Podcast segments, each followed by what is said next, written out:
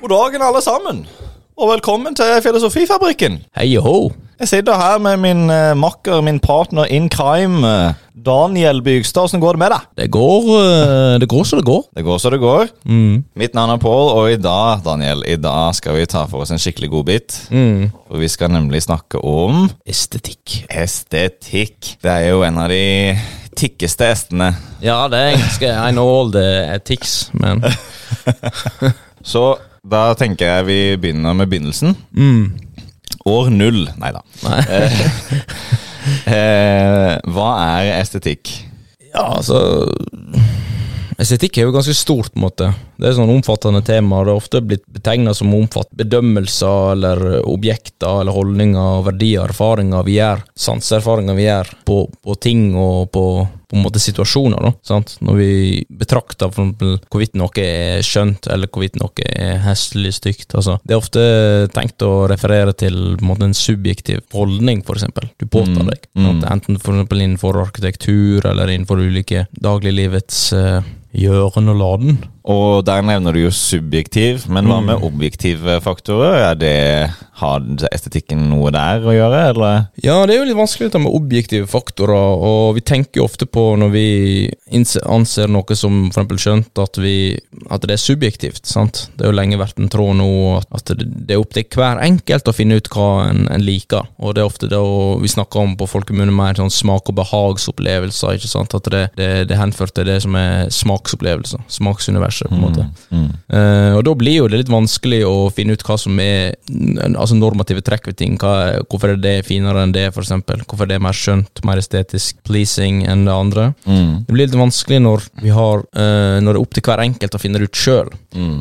Men mange har jo likevel Det blitt forska på det en del, gjort en del empiri, eksempel sett på hva Er noen gjenkjennelige trekk som vi kan gå, gå igjen, eller universelle trekk som går igjen, på en måte, i henhold til hva folk ikke liker, da. Det har jo vært lenge tenkt dette aspektet med symmetri, men oversymmetriske, på en måte, enten objekt eller personer eller sånne ting, kan ofte virke for oss som unaturlig, da. Mm. Eh, så derfor er det, det kan fremstå litt for kunstig, ikke sant. Og, og så har du generelle tanker fra helt tilbake til antikken om, om dette med symmetri, for eksempel i arkitektur, og det med gylne snitt. Og så det er en del sånne objektive vurderinger og faktorer som går igjen i det subjektive. da. Sånn, eller du kan snakke om mønster som går igjen. da. Mm. Sant? Kjennelige trekk. Mm. Her er vi jo rett inne i teorien. Ja. Jeg liker jo også å gjøre litt etymologi, se litt på ordet. Mm. Estetikk kommer jo fra latin aestetica, som igjen kommer fra gammelgresk aistesis, Aistasis. som betyr den kunnskap man får gjennom sansene. Mm. Så det er et veldig konkret, jordnært disiplin, egentlig. Ja, det er ofte tenkt å være i henhold til en sans som perseptuelle erfaringer. sant? Mm. Dine sansinger hører litt, eh, føler, sant, altså med kroppen eller med ofte synet. sant? Vi tenker på kunst, eksempel arkitektur eller mote. ikke sant? Mm. Så tingenes tilstand, når du liksom du opplever det, du opplever et eller annet gjennom sansene, så det er veldig sånn sansesentrert eh, disiplin. Mm. Mm. Og øh, det liker jeg veldig godt. For Ja. vi filosofer vi liker jo teorier, selvfølgelig. De, de beriker liksom eh, sanseverden, for min del. da. Ja. Men jeg liker veldig godt at estetikk det kan du i prinsippet gjøre bare ved å se, lukte, høre, smake. Ja, vi inngår på en måte i eh, Det er litt sånn vanskelig å vite når vi inngår i en estetisk opplevelse og ikke. Om det bare er en nytelsesopplevelse eh, som kan være egentlig i prinsippet det meste.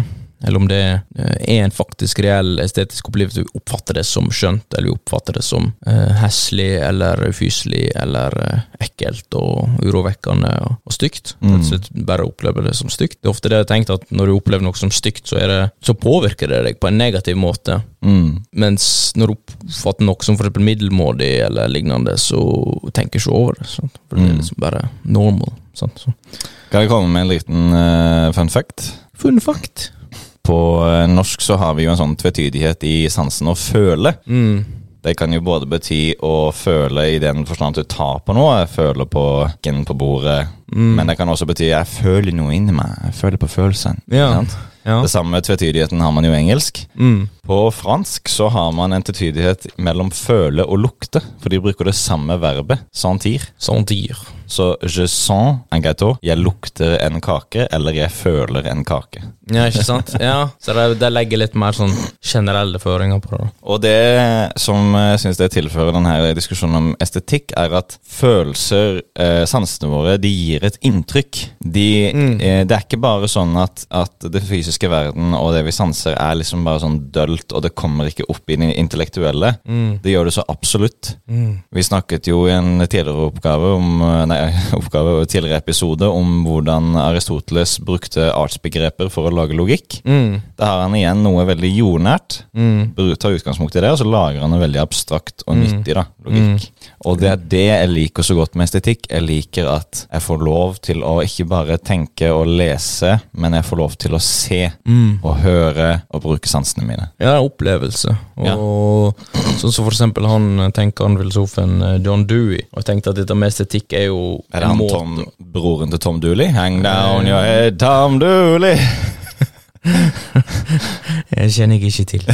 John Dewey. John Dewey, nei, han er jo Han har jo tenkt at uh, Datt jeg helt av det. Han er John Dewey, han er jo Dewey. Han. Han er Dewey heavy. ja. Da spurte vi Nei, han, mente jo at, han mente jo at vi bruker estetiske opplevelser for å gi mening til vår tilværelse. Det, Og at det, vi kan, Han brukte mye eksempler som at det ikke bare er i henhold til kunst, arkitektur og den slags, men òg f.eks. å ha en god samtale eller å, å spise et godt måltid, som du snakker om. sant? Altså Litt mer generelle trekk ved vår erfaring. det skriver jeg under på, og for å underbygge det, så vil jeg ta et tankeeksperiment. Se for deg at du sitter med familien din rundt middagsbordet, og dere spiser, ikke sant, og dere prater, utveksler dagens eh, informasjon, hva har skjedd i løpet av dagen, ikke sant, og så videre, og så videre. Fortelle litt om hvordan man har hatt det i dag, og kanskje hva som skjer fremover. Og så, ved siden av det tankeeksperimentet, ved det bildet, tar vi et annet bilde hvor man sitter rundt bordet og man spiser sammen, men det er ingen samtale. Nei. I begge de scenarioene så er det mat involvert, det er jo sanser involvert. Mm. Eh, og la oss bare stipulere at den maten er god, den smaker kjempegodt uansett hva det er. Ja. Men det er en langt, min påstand er at opplevelsen som en helhet er langt mer estetisk og innbydende for oss mennesker når vi også får snakke og liksom delta i det, enn det er i det andre hvor det er litt sånn kaldt, Mm. man ignorerer hverandre. Mm. Og det tror jeg er viktig for at samfunnet tar på alvor. Fordi det som skjer i det middagsbordet hvor vi snakker, er at vi inkluderer det menneskelige Mm. i det. Og det er noe vi kan gjøre via estetikk, som jeg savner i samfunnet. Og nå pensler jeg inn på arkitektur, for vi skal Ja. jo bruke arkitektur som eksempel her nå. Mm. Vi har jo eh, gått inn i en tradisjon nå hvor vi bygger mye modernistisk og brutalistisk. Mm. Og det er to arkitektoniske utforminger som jeg mener ikke eh, tar inn over seg det menneskelige aspektet. Nei, det gjør ikke det, og brutalismen er jo Den er jo Altså, navnet snakker jo litt for seg sjøl her, brutal. Altså, det var hele poenget. Brutalis Oppka- maximalis. Oppkalte det De oppkalte det sjøl, den arkitekturbevegelsen som kom. Eh, Det var poenget at det skulle være brutalt. Mm. Det skulle ikke være estetisk, det skulle ikke være skjønt. Det skulle vekk og fra det, Mm. og mer mot funksjoner og funksjonsdyktighet og effektivitet. ikke sant? Det var ikke poenget, og de brydde seg ikke. Og i tillegg så var det mye billigere, sant? så det var liksom et økonomisk uh, insentiv der på plass. Og det er jo det på mange måter i dag, sånn som hvis en ser det i New York, altså de største bygningene der, og er eller høyeste bygningene, er jo ofte ikke ment å være estetiske, de er ment å være funksjonsdyktige, for de er jo bygd for uh, finansinstitusjoner, sant. Mm. Uh, for eksempel eh, bygninger, bygninger rundt i Wall Street og, og sånne ting, sant. Og, Jeg har jo vært litt i China. China. Der har de jo bygd mye interessante greier. Ja. Eh, noe ganske flott, noe ganske stygt. Mm, Eh, mye modernistisk. ja. Og det man ser, er at eh, disse store eh, satseprosjektene i modernistisk stil Mm, Når det har gått sånn fem år, så ser bygget 20 år gammelt ut. mm, Og da tenker jeg 20 år gammelt at jeg aldri har fått en vask, fordi det er så lite innbydende og så altså stygt, rett og slett, Mm. at folk er ikke interessert i å ta vare på det. mm, Og hva er det som skjer? Da blir jo det et veldig dyrt prosjekt. For når det ikke blir tatt vare på, så må det rives og bygges på nytt. Ja, men så er jo det òg dette der med at Ja, ok, men det er stygt, og mange kan nok være enige om at det er stygt, til og med de som kanskje bygde det, men så blir det spørsmålet hvorfor skal det være så viktig, da? Altså Når du går forbi eller opplever det, altså hvorfor er det så viktig, på en måte? Ja, jeg syns jo det er viktig fordi at øh, Det gjelder jo egentlig generelt, ikke sant? jeg, jeg, altså, jeg, jeg er opptatt av at folk skal ha det bra. Altså, Ja. altså, som vi sier på Sørlandet, det skal være greit. Ting skal være greit. Hyggelig det, da. Ja. Ja. Er ikke, er det er ikke meninga at alle skal bo i et palass, at vi skal gå rundt og se på palasset hele tida, men det skal være greit. Ja. Altså Det skal være minimumsnivå her, og så gjerne litt over det. da Være litt ambisiøse. Mm. Personlig, og her er delt, eh, denne opplevelsen her er delt med mange, og de eh, sier seg, noen sier seg enig, noen sier seg ikke enig. Mm. Um, når jeg går rundt i sånn modernistisk arkitektur, så føler jeg at bygningene rett og slett står og skriker til meg. ja, det sies ofte det at de skriker, liksom. De skriker, de higer etter min oppmerksomhet, Mm. og det er nesten som om de står og banner. Ja. La oss nå sammenligne dette med en person. Ja. Hvis en person hadde stått på torvet i Kristiansand og banna og skreket etter oppmerksomhet bare for å få oppmerksomhet, har ikke Ja. noe budskap som sådan, for det har jo ikke bygg i seg selv. Ok, kanskje Ja, eh, de, Av og til så har de et budskap hvis det er en kirke, ikke sant, så ok, ja, Gud, og så Ja. Hvis det er et bibliotek, så er det kanskje opplysning, bla, bla, bla. Mm. Men la oss bare anta at han bare banner og, og skriker for oppmerksomhetens del. Da hadde jo politiet kommet Ja. og fjerna han. Mm. Hvorfor, hvorfor er vi så strenge Hvorfor er vi strengere med mennesker enn vi er med bygg? Ja, vi er jo strengere med mennesker òg når det gjelder eksempel mot òg. Det er jo en form for kommunikasjon der du kommuniserer ut til andre. Absolutt. Eh, visse trekk ved deg som person, og en går jo litt som en sånn del av sin identitet eksternt i, i sine klær. ikke sant? I den klesvalget en har tatt, og den eh, garderoben en har valgt. Designeren Tom Ford, som jeg ikke er sånn kjempefan av som eh, person, men som har et veldig godt sitat eh, Å kle seg fint er en form for høflighet.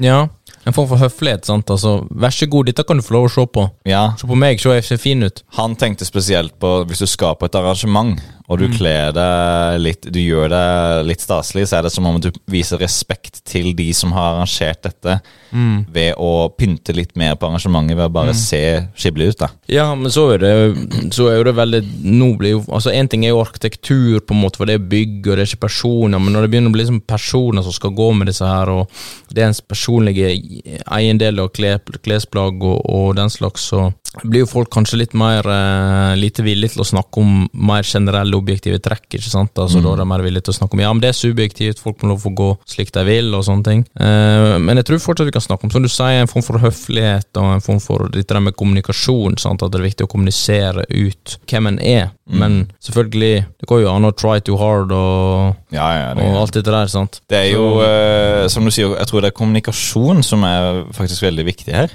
Fordi uansett om du eh, velger å, å kle deg litt røft eller kle deg veldig pent, så kommuniserer du noe, du har tatt et valg. Du liksom, du har nok, jeg tror nok alle kjenner på det at man skal kle seg sånn og sånn i den settinga, men jeg har mer lyst til å gå sånn og sånn, og så tar man et valg. Skal jeg eh, eh, velge konform, konformitet, eller individualitet? Skal jeg gjøre sånn som jeg vil? Det tror jeg vi alle kjenner veldig mye på, egentlig. I hvert fall jeg kjenner litt på det når, jeg, når jeg kler meg. I dag går jeg bare i dongeribukse og genser, liksom. Det er jo helt Ja. standard skitt, men Ja, standard. Ja. men eh, jeg bare Jeg skjønner ikke hvorfor folk lar eh, utbyggerne eh, gå så lett. Altså, de, de bør jo Det bør jo, hvis vi er opptatt av hvordan ting ser ut, og det er vi jo, se på Instagram. Vi er jo så opptatt av hvordan ting ser ut, og hvordan persepsjonen av andres folk, oppfatning av oss er, at vi er villige til å bare legge ut et, eh, en livsløgn på Instagram. ja. Hvorfor er det ikke da sånn med, med arkitektur? Jeg skjønner ikke. Ja, men fordi det er de som bygger bygningene vil spare på penger, det er økonomiske insentiver. De kan, de kan get away with murder fordi at de vil, ikke sant? Altså, de, eh, de har ingen eh, det er opp framtankegangen effektivisering. Sant? Det Dette med økonomisk vekst som går igjen. Ikke sant?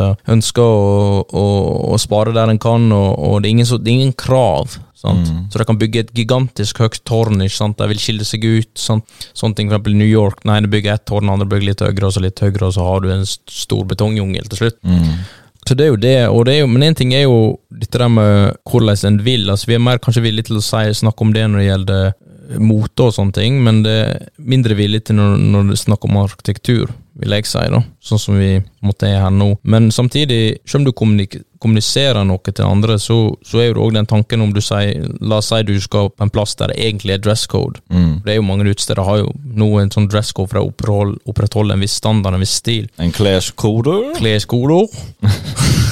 Så, men, og du- en vil gå sånn som en vil. Men det er jo, det er jo ikke bare, ligger jo ikke bare i klær, og det ligger jo litt i holdningen en påtar seg òg. Absolutt. Det er jo dette med kommunikasjon. Sant? Hvis du hadde kommet dit i eh, olabukse og blågenser, så hadde jo du kommunisert ganske tydelig at uh, du gir F, ikke sant? Ja, eller ganske avslappa. Ja, jeg jeg, jeg er komfortabel med det her. Det handler litt om å være komfortabel i sitt eget skinn. Mm. Og noen av de måtene vi gjør det på, er jo å gå i klær som vi kan høre, føle at vi hører hjemme i. Mm. Og det kan jo være uavhengig av hvilke klær du går med. Se liksom på Lady Gaga, for eksempel, som går i høyhæla sko som er tre meter høye, liksom, og alt mulig greier, og dyre skinn og ikke måte på.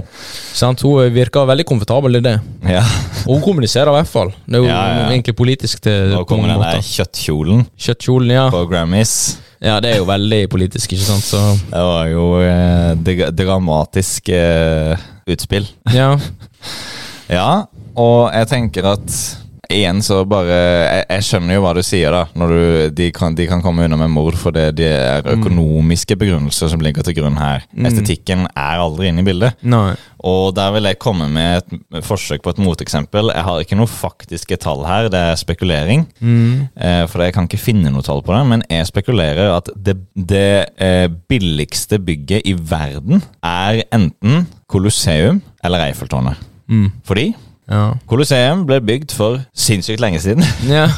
Og i eh, ettertid så har Colosseum trukket så enormt mange mennesker, både turister og fastboende, til Roma, som jo stimulerer økonomien eh, i og rundt. At selv om det sikkert kosta kjempemasse ressurser i sin tid, eh, særlig fordi det var jo ikke teknologien som vi hadde i dag, så må jo det Colosseum ha betalt for seg for lengst! Det må jo ha vært et sinnssykt eh, godt avkastningsprosjekt i, på, på så lang tid, da. Ja, ja, det er et poeng du sier der. Men det er jo òg veldig langsiktig tenkt. Vi tenker jo ikke langsiktig lenger. Det er jo også noe på det. Vi er jo veldig kortsiktig. Det er liksom marshmallow. Eh, sant? Det å tenke langsiktig.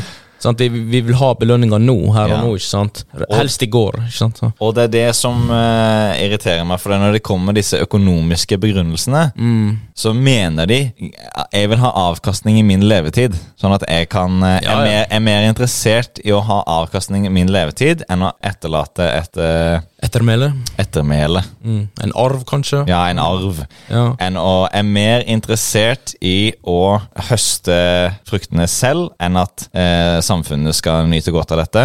Det er jo et eh, gammelt gresk utsagn. Et samfunn vokser seg stort når gamle menn planter trær hvis skygge de aldri skal sitte i. Ja, Det er et fantastisk sitat, og det er jo langsiktig tenkning. Yes. Fordi du tenker forbi din egen livsstil. Og, men dette handler litt mer om arv og sånne ting. Og for eksempel, jeg bor jo ikke så langt unna sånn her stokkhus som eh, de har flytta fra Setesdal til, eh, til litt utenfor Kristiansand. da.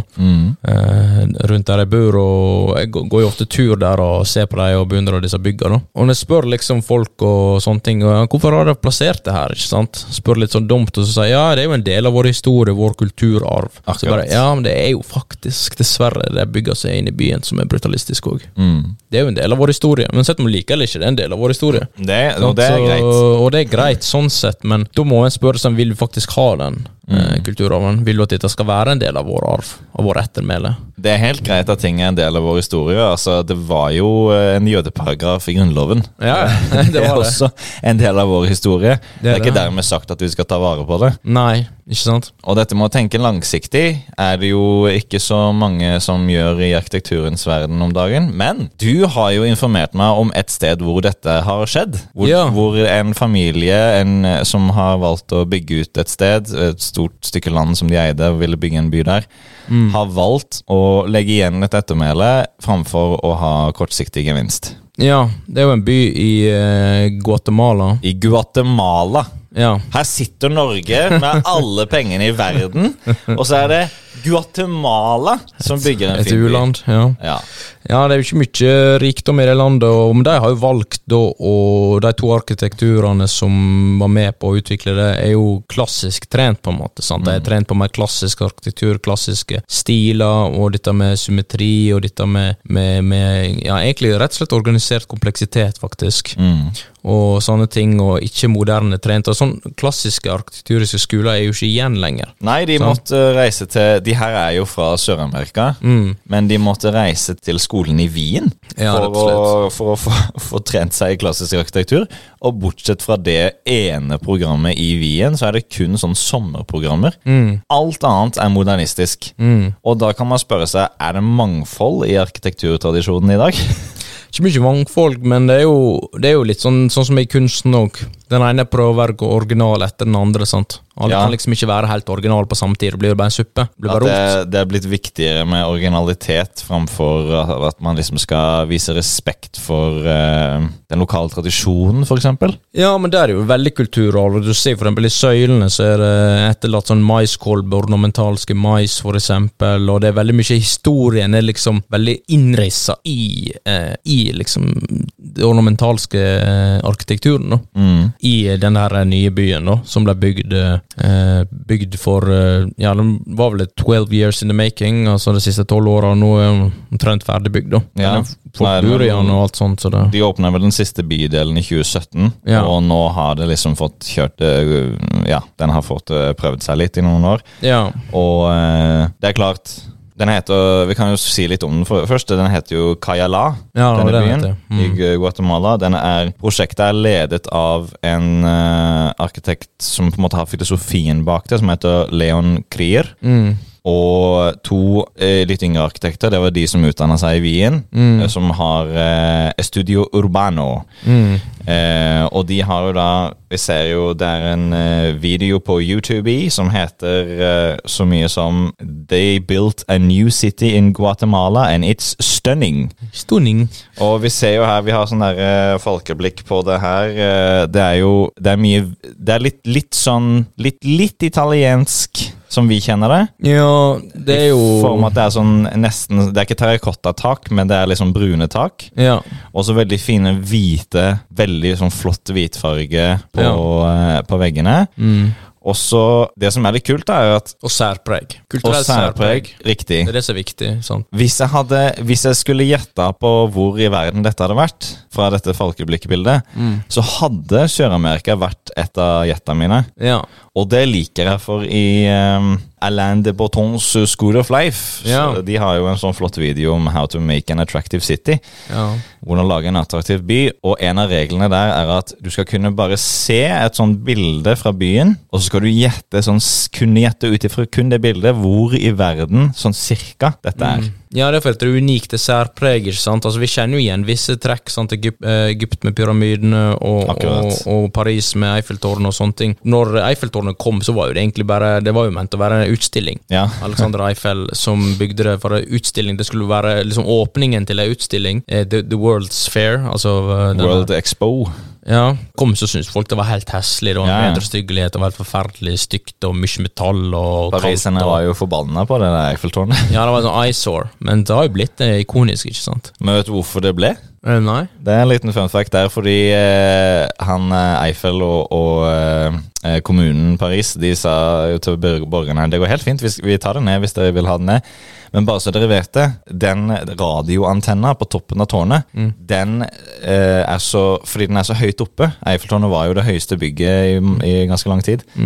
Eh, så eh, tar den radioantenna og gir radiosignal til veldig mye av Paris, og vi må smelle opp veldig mange antenner for å eh, få dekt det området. Det kommer til å ta lang tid, for vi har ikke så mye penger til det. Mm. Så dere vil være uten radio en stund. Og da sa pariserne ja, greit, da. Vi får ta Ja. Vi får vel ta oss og bare ha det Eiffeltårnet! ja, sant? Da var det økonomisk insentiv og tanke om eh, Tanke om liksom bare bevare det du allerede har. sant? Orker ikke å finne opp hjulet på nytt, orker ikke å gjøre noe nytt. Og, Mm. og det ble jo ikonisk, eh, det ble jo det, og med tida. For dette det er jo du legger merke til det med en gang du ser det. Nå har jeg strengt tatt aldri vært i Paris, men det er jo ganske høyt, som du sier. da. Det er jo svært. Det er jo svært, og det stikker, stikker seg ut. Ja. Skiller seg ut, i hvert fall.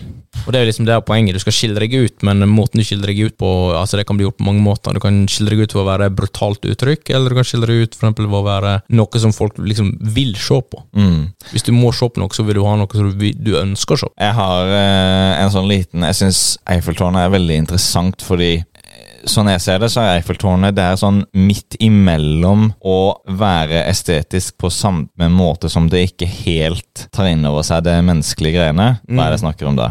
Tre bygg. Grand Hotel i Oslo. Eiffeltårnet. The Shard i London. Det er et sånt stort eh, glassbygg som er sånn tre, en spiss trekant. Som bare er glass og betong hele veien, bare, eller egentlig bare glass på utsida. da. Sånn svart glass. Når du står og ser på Grand Hotel litt sånn langt unna, så ser det jo flott ut. Du har ting å, å hvile øynene på. Det er eh, fint, rett og slett. Ja. Og når du kommer nærmere, så er det jo som et hus i den forstand at det, det eh, tar deg inn.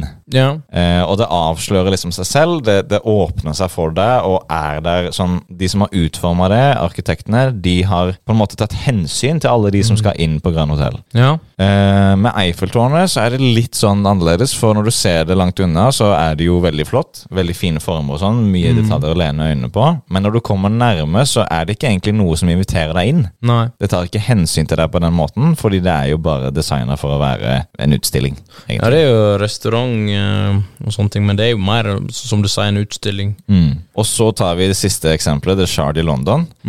Når du ser det langt unnafra, så er det jo ingenting å hvile øynene på, for det er bare store glassflater. Ja. Så det ser ikke særlig imponerende ut, men det ser veldig mektig ut. Veldig dominant. Og når du kommer nærme, og dette jeg liker, så, så er bygningen så anonym at du ser egentlig ikke bygget i glasset, du ser jo bare deg selv. Så den avslører seg selv på ingen måte, det, det bygget. Og inviterer deg ikke inn. Det er ikke innbydende. Nei. Nei. Sånn som Grand Hotel gjør. Det er innbydende, ikke sant? Ja, det er et hotell eh, ikke langt unna Hva det heter det? Ikke langt unna um, Stortinget? Ja, riktig. ja, riktig. stemmer. Ja. I sentrum i, tror jeg har vært der. Jeg tror jeg bare gikk inn. Jeg, jeg skulle ikke egentlig sove der, men jeg bare gikk inn. Sist gang jeg var i Oslo og bare Her var det flott! Ja, her var det flott, jeg råd til. Ja. Eh, Så jeg bare gikk inn og bare vandra liksom, var litt sånn ne, Se på det! Folk bare skal, 'Skal du ikke spise mat?' da?» Nei, nei, jeg skal bare se på. Se bare fint ja.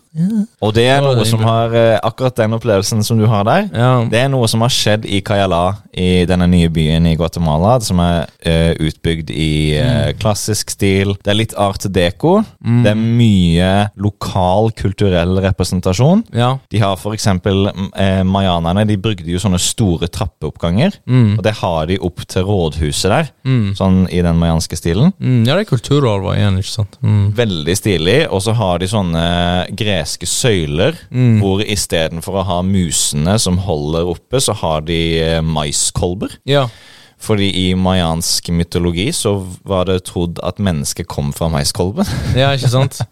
Ja. Veldig sånn flott måte å uh, ta det inn over seg på.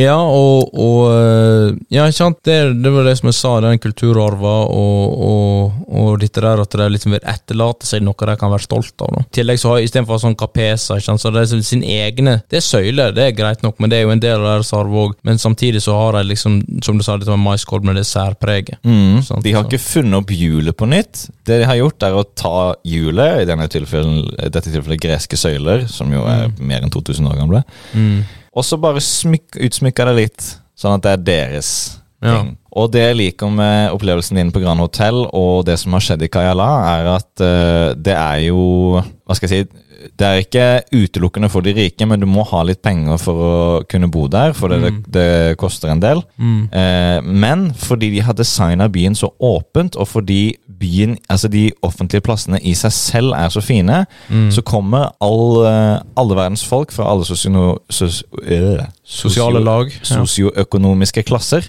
Ja. innom. Fordi at de offentlige plassene, som jo er helt gratis å være, er så fine at det er en uh, hyggestund å bare være der. ja, du vil dit for å ha noe å se på. Du trenger ikke betale penger for å sette deg på en kafé. Du kan du selvfølgelig ta deg en kaffe eller en is eller Ja. et eller annet.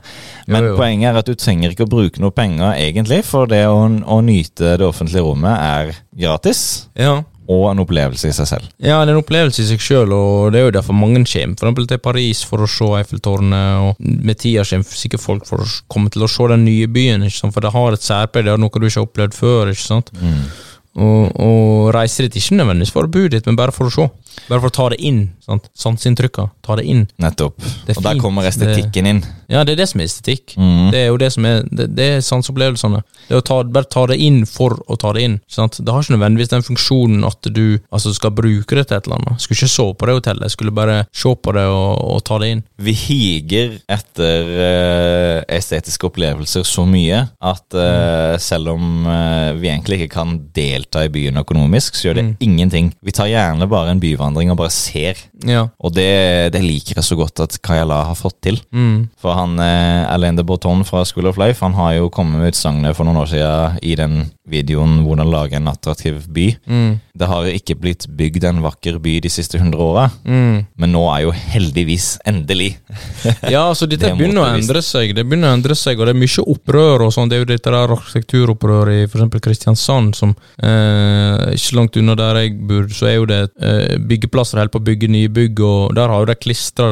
litt sånn rebelske arkitekturopprøret, har jo klistra sånne her eh, plakater der det står 'Bygg noe vakkert'. mm. Og andre plasser har de eh, klistra store plakater der det står eh, 'Utsiden tilhører alle', ikke sant? så det blir jo fort veldig politisk, og, og, og liksom budskapet deres er veldig klart, ikke sant? Utsiden tilhører alle. Det synes jeg er så utrolig fint. Mm.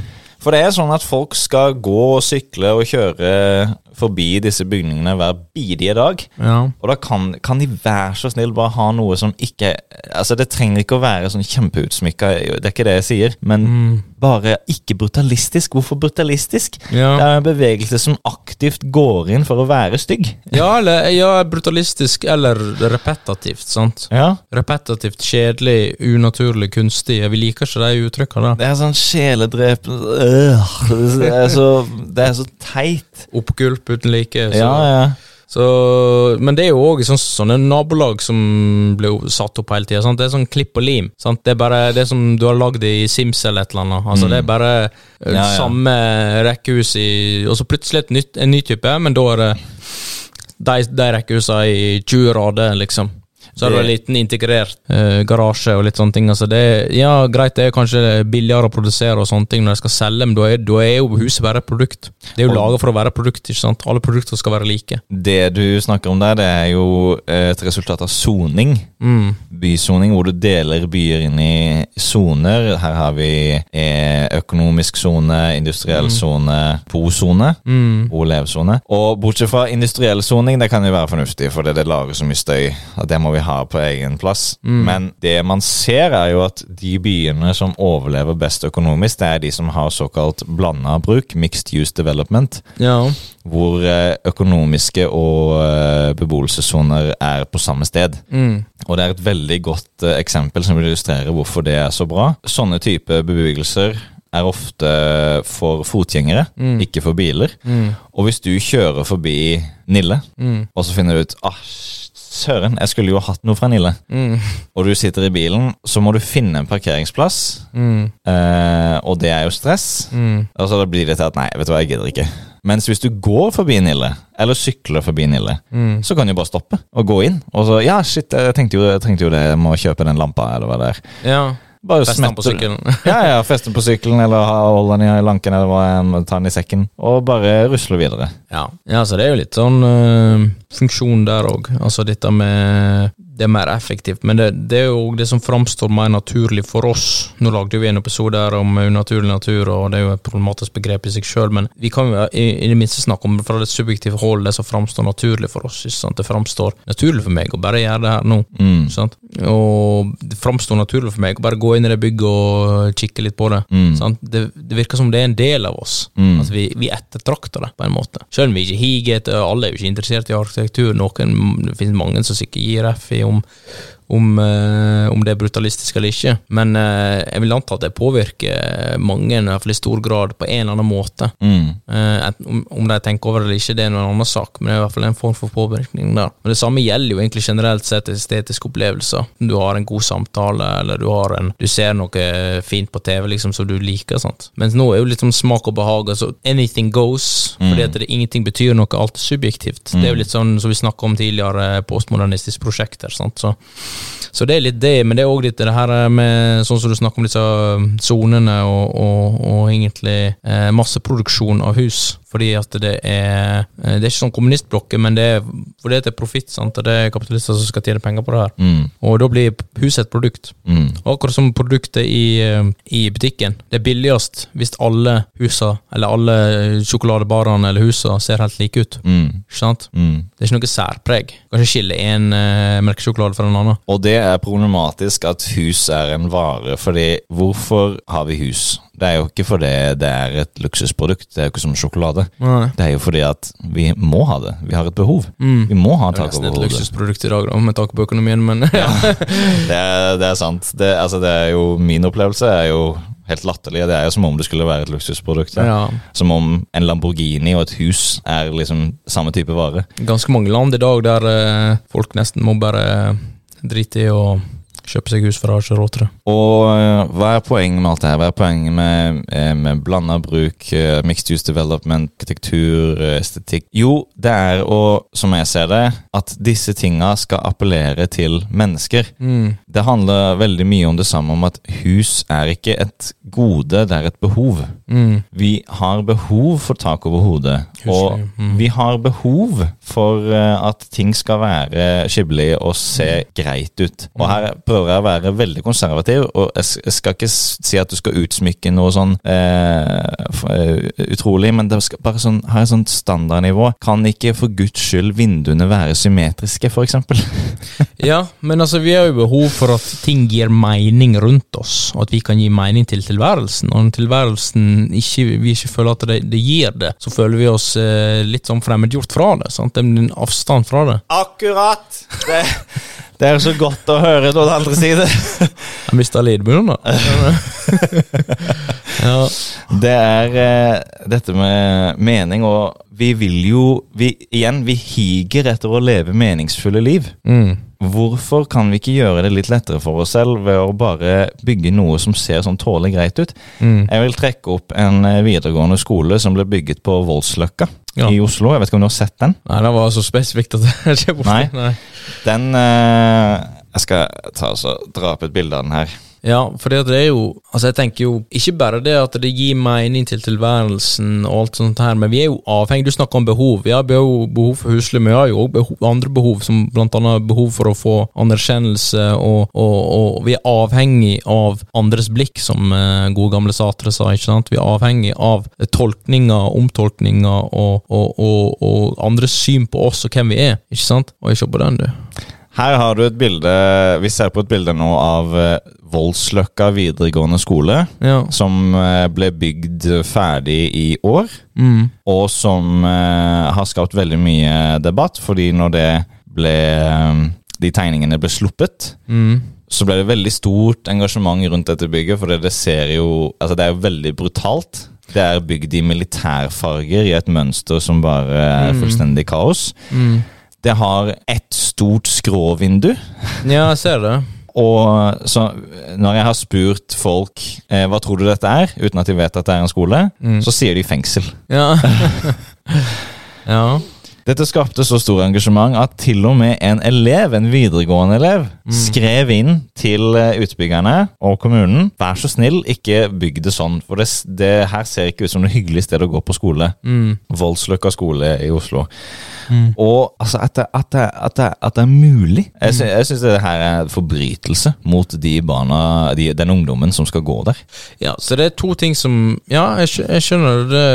Det ga meg en idé her nå som jeg må bare skyte ut i Skyte gode ut i vire farten. Eh, den ene er jo dette vi snakker om, sant? det, det er som en disharmoni Mm. mellom eh, hvordan vi ønsker å, liksom omgås tinga. En dissonans. En dissonans, og i tillegg så er det en disharmoni mellom eh, de skaperne eh, og det de er skapt for. Altså det vil si, skolen er ikke bygd egentlig for barna. Nei. Den er bygd for å være fin på andre måter, eller noe sånt, ikke sant? Og, og Den er det er litt, innovativ. Ja, det er liksom det. Kan hende det betyr i dag, men eh, sant? Det er akkurat som når du skriver en tekst. sant? For eksempel Hemingway eller alle sånne kjente. De har hatt leseren i sine sinn, og tenkt på leseren og hvordan dette oppfattes. For det er, det jo- er leserne som faktisk skal lese de bøkene de har skrevet. ikke sant? Mm. Alle som er liksom klassiske, gode forfattere, anerkjente forfattere gjennom tidene, har jo hatt det på et eller annet visst plan. sant? Vært veldig opptatt av det. Hvordan skal dette oppfattes? Hvordan skal dette være? Det virker ikke som de har vært det der. Nei. Så det er en disharmoni mellom det, tingen som ble skapt, og det det ble skapt for. Mm. Som egentlig bør være i harmoni. ikke sant? Det bør være skapt slik at det er gagnlig for de som skal faktisk bruke det. Mm. Men sånn er ikke det i dag. Enten det er et kontorbygg, eller det er mote, eller det er sko som ser ut som de er laga rett fra en 3D-printer. altså Alt sånne ting. Så det er liksom to sånne her forhold som er liksom i, i disharmoni, da. Som egentlig bør være i harmoni. Som liksom Og hva er det de da er skapt for? Jeg tror at de er skapt for teorien. Ja. Fordi når disse utbyggerne blir møtt av kritikk fra f.eks. arkitekturopprøret, Mm. så svarer de veldig ofte på vegne av hvermannsen, Mm. som om hvermannsen var utdannet i arkitektur. Ja. For de sier når eh, mannen i gata ser på et modernistisk bygg, så ser de modernismen og bla, bla, bla. Nei, jeg er ikke utdannet arkitekt. Jeg ser ikke modernisme. Du ser bare æsj. Ja, jeg ser bare æsj, egentlig. Ja. Altså, jeg, ser, altså, jeg, ikke, jeg, jeg lever ikke i den teoretiske verden. Jeg lever her nede på bakken. ja. Og jeg ser et bygg som ser enten skikkelig ut, pent ut, eh, overutsmykka. Det er jo veldig få bygg som er det nå. ja, det er ikke en problem. Eh, eller som er veldig flate, kjedelige, uh, uinteressante, anonyme, som ikke gir meg noen ting. Mm. Og kanskje til og med tar mer enn de gir. Det syns jeg er veldig rart, at de, de lager bygninger som tar offentlig plass, Mm. som er designet for å tilfredsstille teori framfor de menneskene som skal gå i og utenfor de. Ja. Det er veldig rart. Det er veldig merkelig, egentlig. Og, så det er jo sånn Men én ting er jo eksempel litt av økonomiske insentiv, men andre er jo litt sånn ideologi og litt sånn her eh, designteorier som du snakker om, og, Mm. og dette der med Ja, men alle skal jo tenke utenfor boksen. Ja. Det er ingen som sitter inne i boksen og tenker eller, Altså Kanskje for guds skyld, tenk innenfor boksen eller en gang iblant. da Ja. Altså Alle skal sitte der ute, og her var det faktisk egentlig litt kaldt. Sant? Altså, kom, Gå inn i varmen igjen, du. Det er egentlig der folk er. Det er der arva er. Det er liksom blir oppfattet sånn at det er en egenverdi i å finne opp hjulet på Ja. nytt. Finn opp hjul på Altså, nytt. sant? hjulet er rundt. Det er ikke noe vits i å ha et trekanta hjul. Ja. Det, det runde hjulet fungerer utmerket. Ja, ikke sant? Der har de bokstavelig talt lagd en boks. ikke sant? Sånn. Ja, ja, ja. Men så sånn, eller sånn, ta Munch-museet, for eksempel.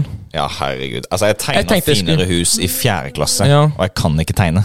Jeg, eh, jeg skulle jo, jeg var jo der jeg, eh, sist gang jeg var i Oslo, og så Jeg skulle tok flyet, men jeg, flyet aldri kom. Jeg skjønte ikke. Men, altså, det skikkelig flyplasslukk på de der greiene der. Og det er jo et museum, det er et kunstmuseum, og så er det faktisk brutalisme. altså Det virkelig, det skriker virkelig.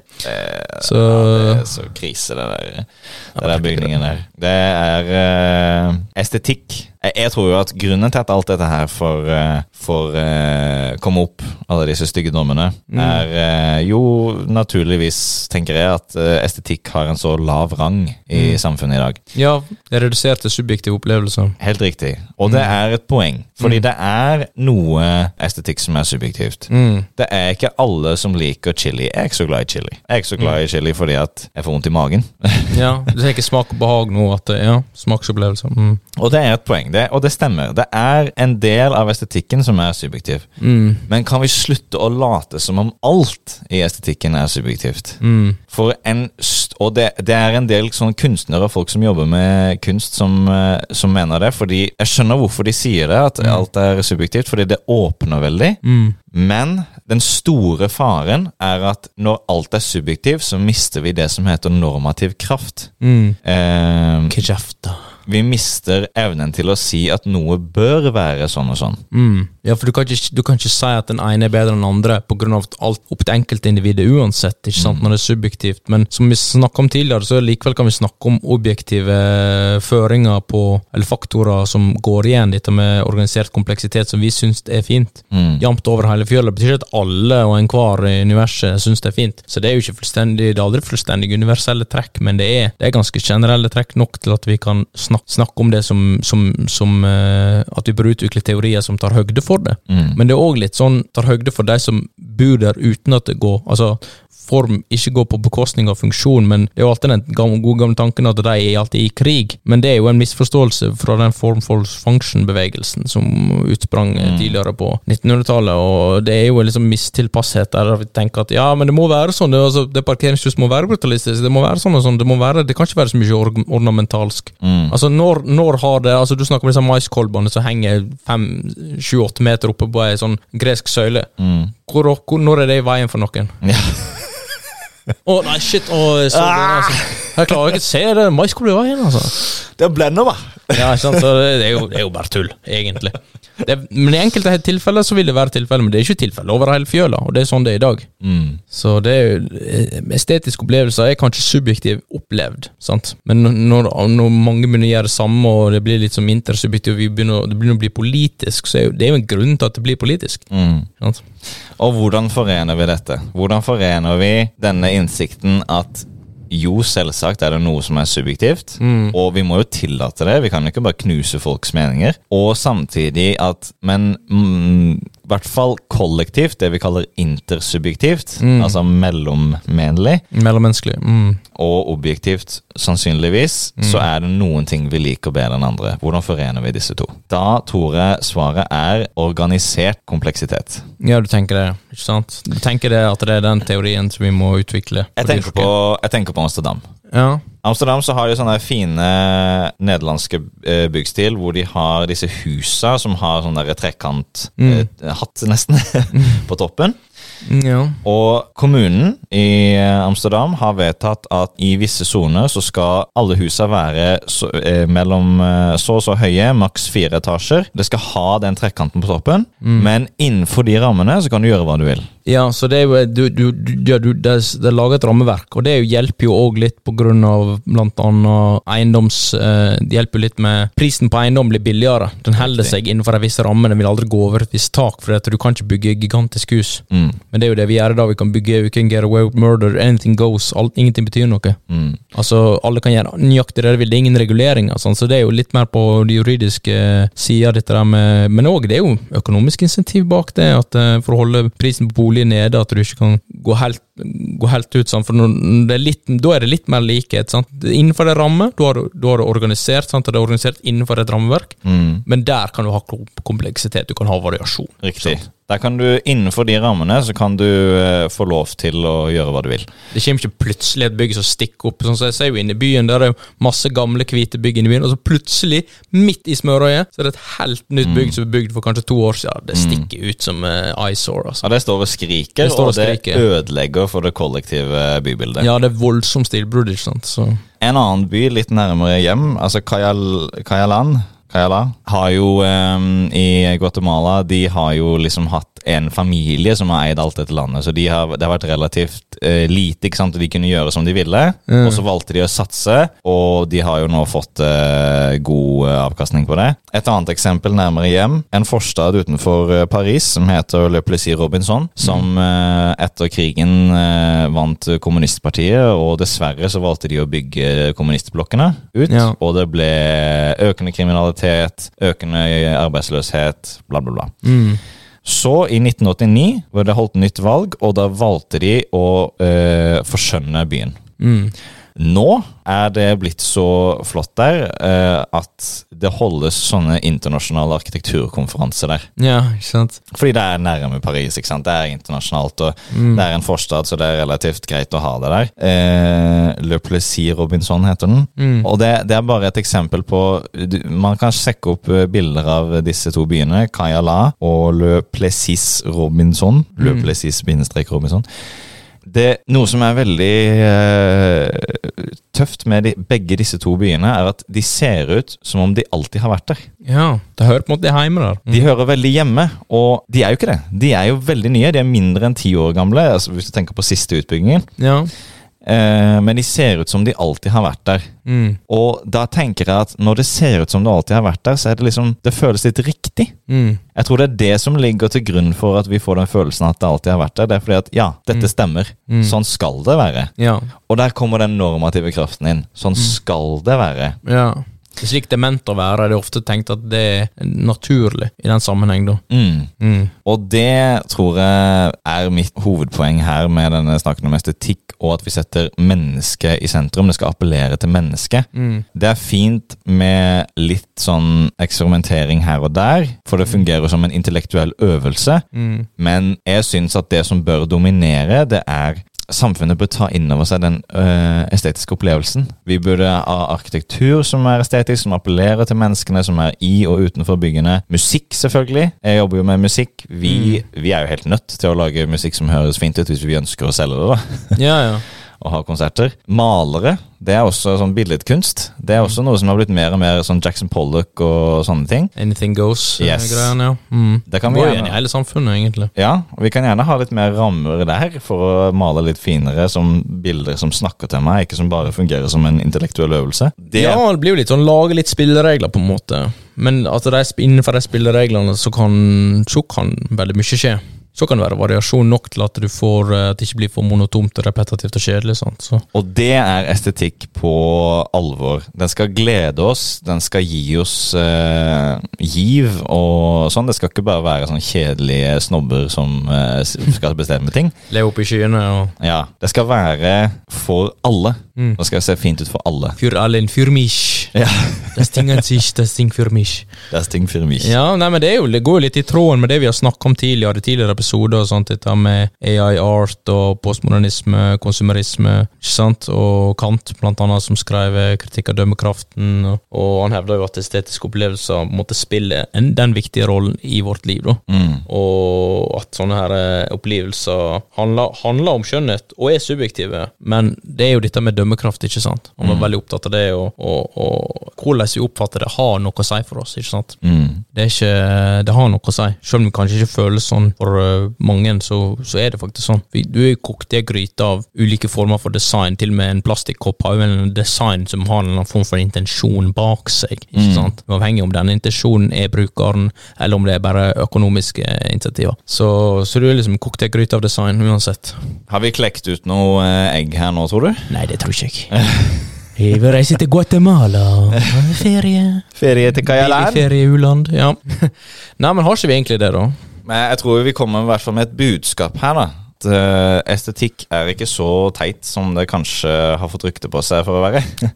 Nei, det er den intellektuelle forvirringa rundt hva som, hva som er skjønn, skjønnhet, og dette med estetikk, og, og forvirring rundt øh, aspektet med det subjektive. Mm. Ikke sant? At det er faktisk mer universelle trekk som går igjen, blant annet som du sa, dette med organisert kompleksitet og den slags, som vi kan trekke til vårt bryst. Økonomiske insentiver trenger ikke alltid. altså Det trenger ikke å krige form, trenger ikke å krige med function, økonomi, trenger ikke å krige med estetikk, Nei, nei, nei. Struktur, sant? Så Ikke ikke tenk at det er alltid sånn, jeg må enten for den eller for den. Det er, ikke, sånn. ja, det, det er ingen eh, motsigelse mellom å ha et eh, bygg som er symmetrisk, og et bygg som er, er eh, kostbart. Så tenk partikulært, tenk historisk, tenk kultur. Ikke sant? Ikke tenk nytt, nytt, nytt, nytt. nytt. Mm. For da får du bare en kopi av en kopi av en kopi. ikke sant? Altså, da blir det bare sånn eh, brutalistiske blokker og hus og ser ut som fuglekasse og den slags ting.